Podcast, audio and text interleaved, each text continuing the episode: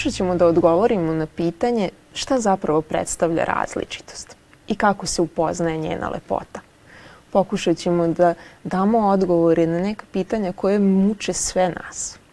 Prihvatanje sebe, prihvatanje drugoga i prihvatanje različitosti.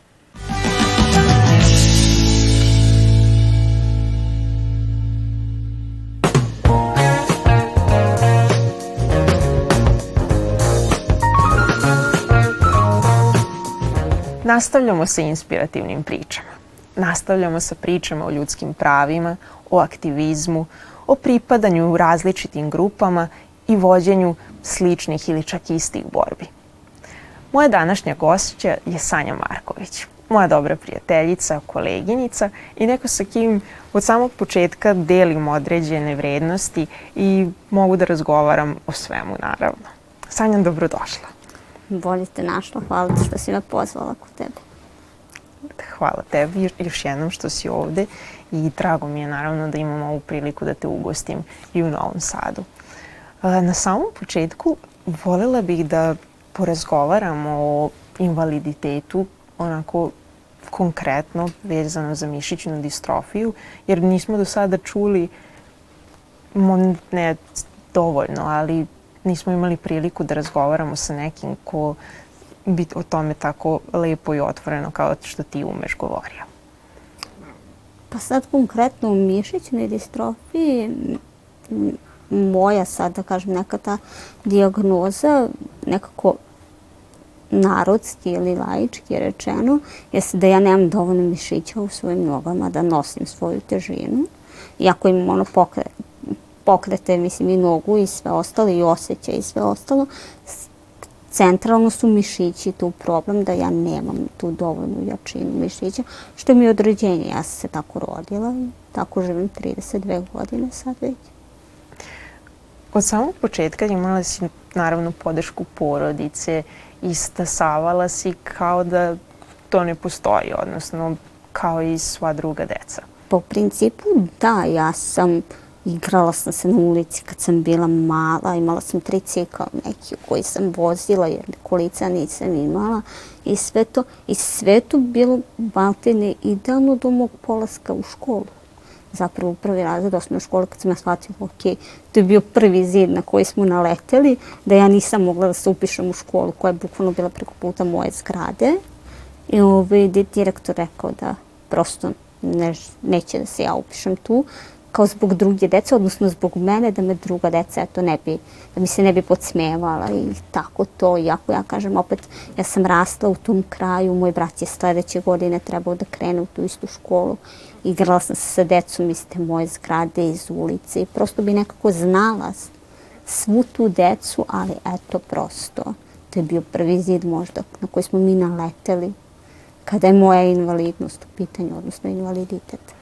Da, to je prvi zid i možda neko prvo odbijanje i onako suočavanje sa svetom koji možda nije spreman da prihvati različitost. Da, svakako, mada ja sam tad bila nekako mala, pa to nekako sve prošlo mimo mene, ali ono, moje majci je tada bilo verovatno najteže jer ono, ja sam godinu dana kasnije pošla u školu jer ona nije mogla da nađe školu u koju će da me upiše prosto.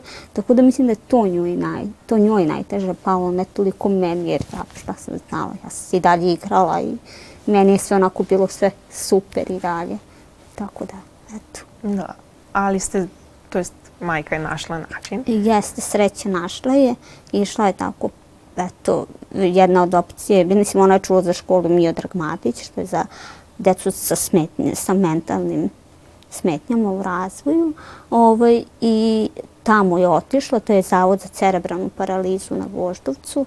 Ovaj, I tamo je otišla, međutim oni su je rekli da ja nisam prosto za njihov sistem rada, ali moja buduća učiteljica čula taj razgovor i rekla moje majci da tu gore ima škola i da je sedište, ne znam gde je tada bilo, i kao da popriča sa direktorom, to je osnovna škola dr. Dragan Hercog. I tako da sam se ja na kraju upisala tamo i to sam završila. Išla sam u Zavod za cerebralnu paralizu pošto oni imaju u Sokobanjskoj, ali moja mama nije tela preko nedelje, da me ostavlja u Sokobanjskoj, lakše je bilo da ja idem ujutru i da se vraćam popodne kući kao sva normalna deca. Mislim, normalna. Naravno. Deca bez invaliditeta. Kako je izgledalo odrastanje u Beogradu kao velikom gradu, kao gradu koji možda nije skroz pristupačan što se tiče arhitektonskih barijera? to nije bilo toliko komplikovano do onog momenta kad ne, doj, kad ne dođeš u neke tinejdžerske godine, kada ti sad želiš da izlaziš, želiš da ono ideš da, da svo tvoje društvo ide i da, a onda shvatiš da kao, ok, prvo što tebe koči u svemu tom, pritom sam ja rođena u porodici gde mi nismo imali auto, apsolutno automobil nikad u životu i onda je to bio prvi taj kao, ok, ja nemam, nemam prosto prevoz da dođem od tačke A do tačke B, a sad nekim arhitektonskim barijerama kao što su stepenice i tako to da ne pominjem. I onda je tu možda, tu se već osetilo da taj da grad kao grad Beograd nije uopšte, da kažem, arhitektonski pristupačan, čak ni prevoz i to je, s tim se borim i dan danas, ne sam od tineđerskog doba pa do dan danas. Ove, jer skoro smo nešto pričali o slobodi i ja sam rekla mogu da nekako da definišem da sam do neke 80% slobodna za kretanje, tih nekih 20% je što ja kažem onog trenutka ću smatrati da sam 100% slobodna, to je kad ne moram da se organizujem dva dana ranije da odem sa nekim na kafu. To će onako da mi bude onda ću moći da kažem ok, 100% sam ono, imam slobodu kretanja. Da, da, to je dobro i taman možda i odgovor na pitanje kako je onda to uticalo na tvoj društveni život i u tinejdžerskom dobu, a evo i sada. Pa, na moj društveni život, e, pa moj, mogu da kažem, društveni život je bio jako slab u osnovnoj školi, mm -hmm. jer to je opet bila specijalna škola, to su bile sve osobe s invaliditetom i tome slično.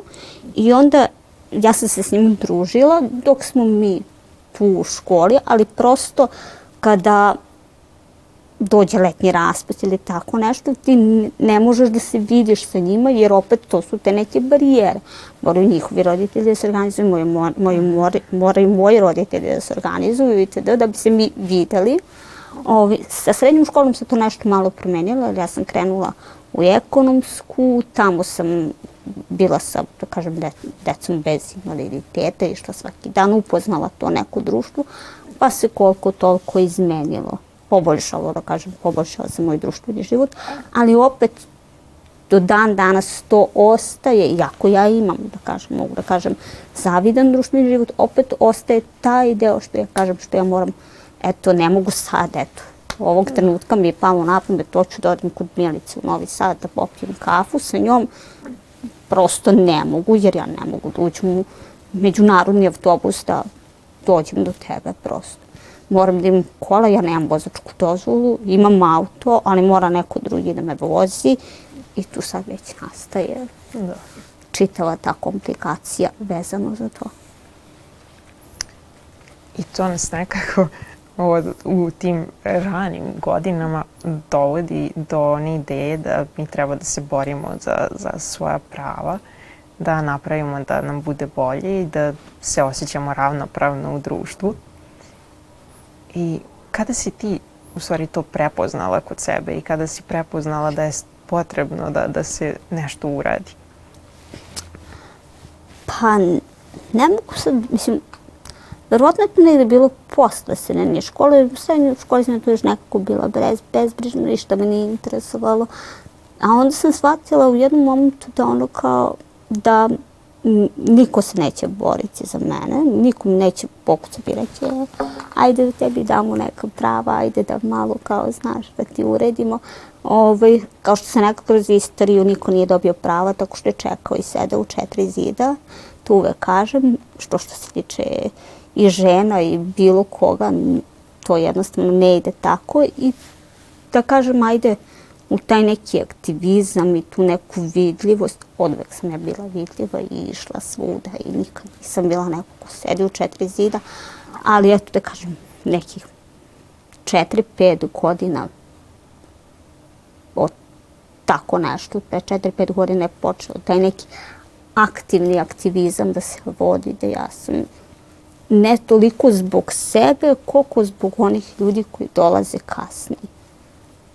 Prosto, eto, uvek sam rekla, sve ide me nešto mrzi, da tako kažem, za sebe da uradim, uradit ću za nekog drugog da bi mu bilo lakše kroz godine koje dolaze. Da, to je, to je ono što činimo u stvari za zajednicu. Da li onu kojoj pripadamo ili neku koju gradimo tek. Ali kada govorimo o osobama koje su u četiri zida ili koje prosto ostanu zatvorene, ja nekako imam utisak da nikad to nije lični izbor i da nikad to nije želja i volja, nego jednostavno neke okolnosti koje nas sprečavaju. I govoreći o tome, često znam da je bio problem vezan za mentalno zdravlje, već neka duboka depresija koja je bila naravno uslovljena svim tim neuslovima, da tako to nazovemo. I govoreći o mentalnom zdravlju, da li si ti imala bilo kakvih poteškoća, ne konkretno vezano da, da je bila, bila potrebna intervencija ili ostalo, ali da li si se nekad osjećala kao da, da taj problem postoji i da ti je potrebno bilo kakva podrška?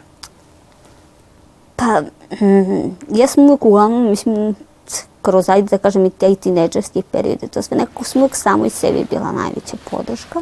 Ali da, posebno u tom nekom tineđerskom periodu kada ja ne mogu ono što, kada ne mogu da idem gde drugi idu i tako to bez nečije asistencije, tada je dolazilo do tih da kažem, slomova blažih, jeste to je u fazonu, zašto baš ja, kao, zašto se meni baš desilo, kao, mislim, ono, ono, što ja kažem, lepa sam, pametna sam i sve to, zašto baš meni, ono, bukvalno, i, ali Mislim, to mi se ponekad desi i danas u znatnoj manjoj meri, ali ima, eto, tih momenta kad ja želim nešto da uradim istog trenutka, a ne mogu i tu mi je već onako baš poludim i u fazonu sam kao zašto i dalje mi nije jasno.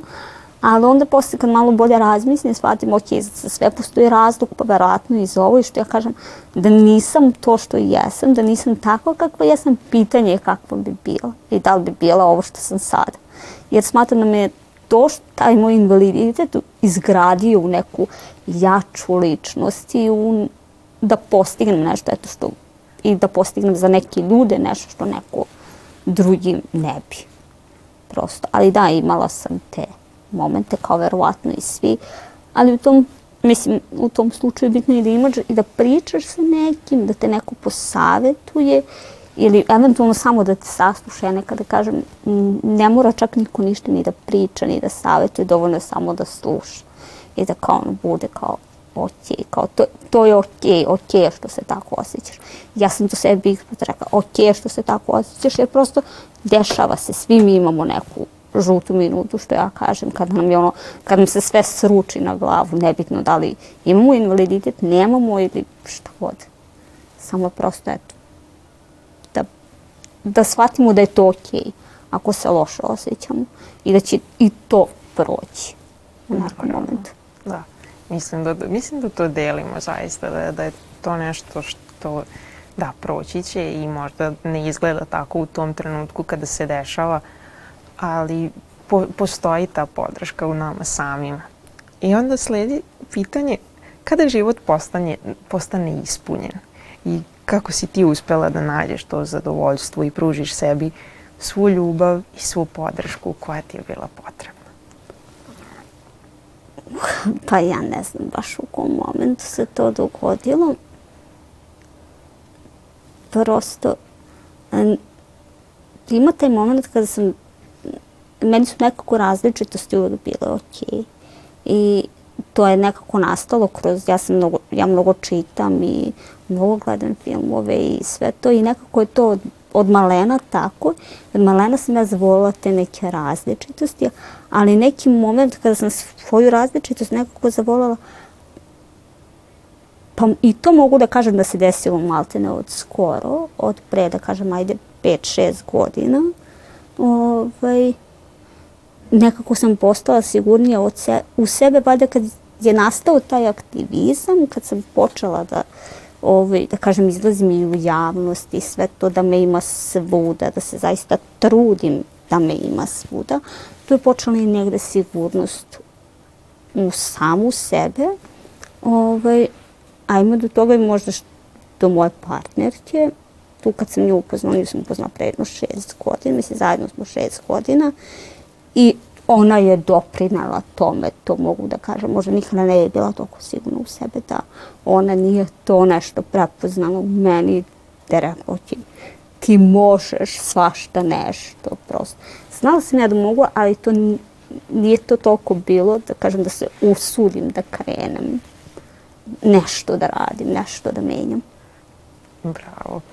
I ono što, što je meni važno još da istaknem jeste da si ti svakako pripadnica nekoliko ranjivih grupa, uslovno rešćeno. I zanima me šta je ono što si primetila da, da je zajedničko, odnosno koje su to predrasude koje primećujemo da ljudi imaju u odnosu na bilo koju zajednicu koja se, evo, u ovom trenutku bori za svoja ljudska prava.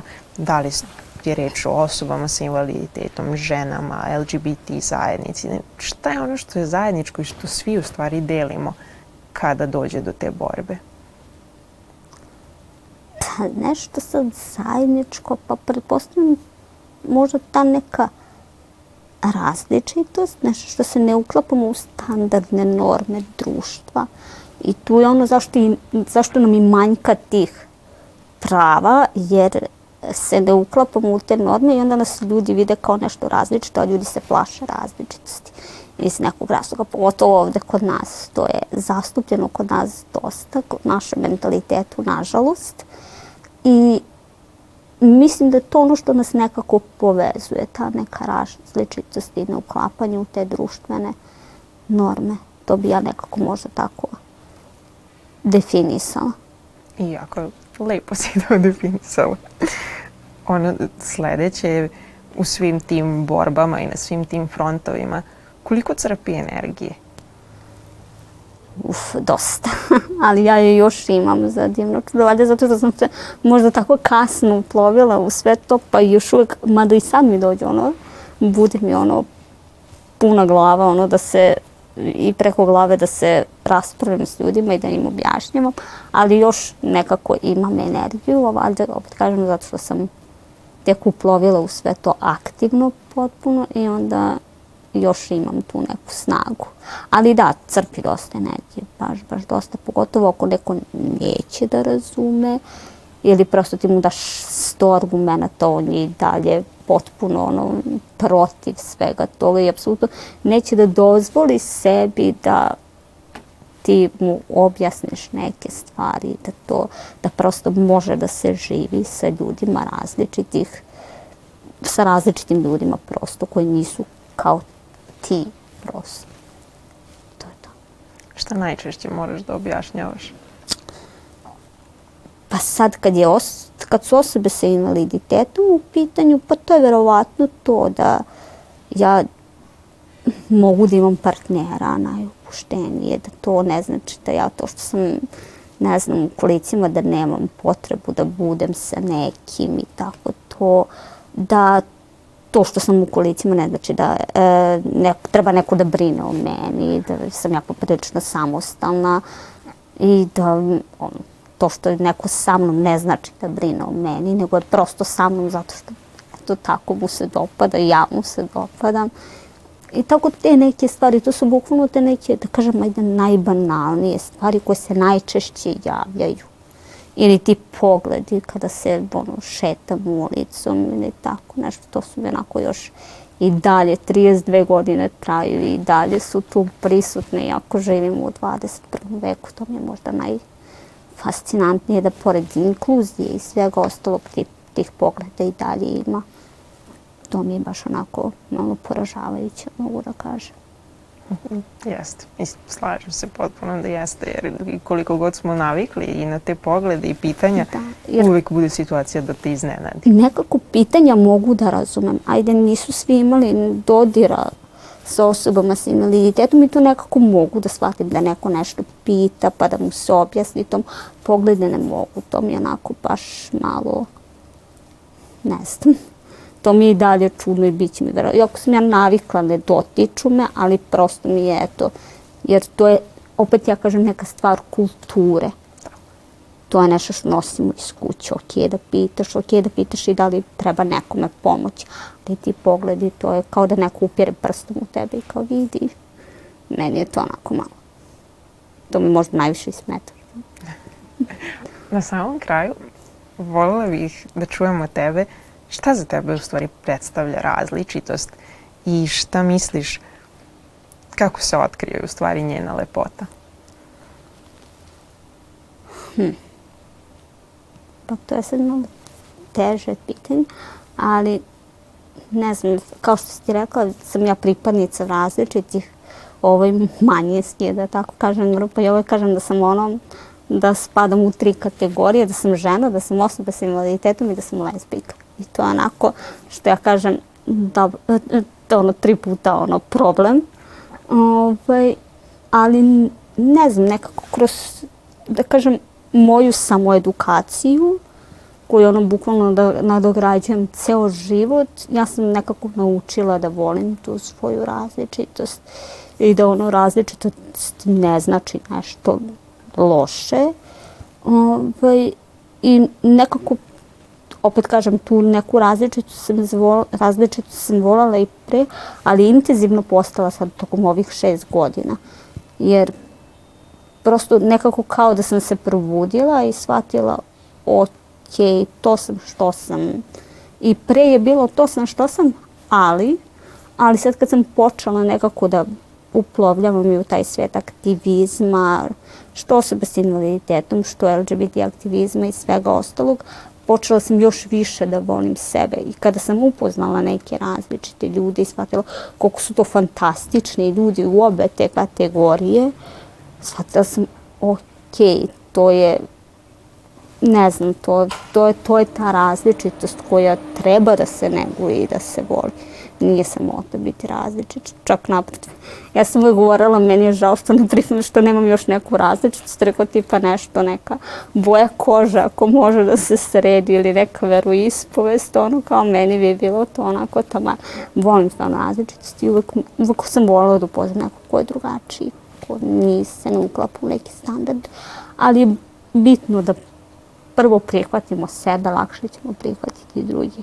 I mislim da je problem kod ovih ljudi što ne prihvataju različitosti jeste to što nisu prihvatili sebe do kraja. Jer mislim da kad si zadovoljan sobom i kad sebe prihvatiš u potpunosti, da je to taj moment kada ti je, ok, mislim, baš me briga šta neko radi i kako se neko ponaša, kao to mene ne dotiče lično, šta me briga. Ali moraš da dostigneš taj stadijum, da zavoliš sebe do te mere i da imaš toliko ispunjen život da ne bi doticalo šta ko radi. Sve dok naravno to ne ugrožava nekog drugog. Hvala ti puno, Sanja. I ovime bih završila i za kraj ne bih ništa dodala, neću vam reći ništa drugo osim da ću vas ostaviti da razmišljate, pa onda se vidimo nekom sledećom prilikom.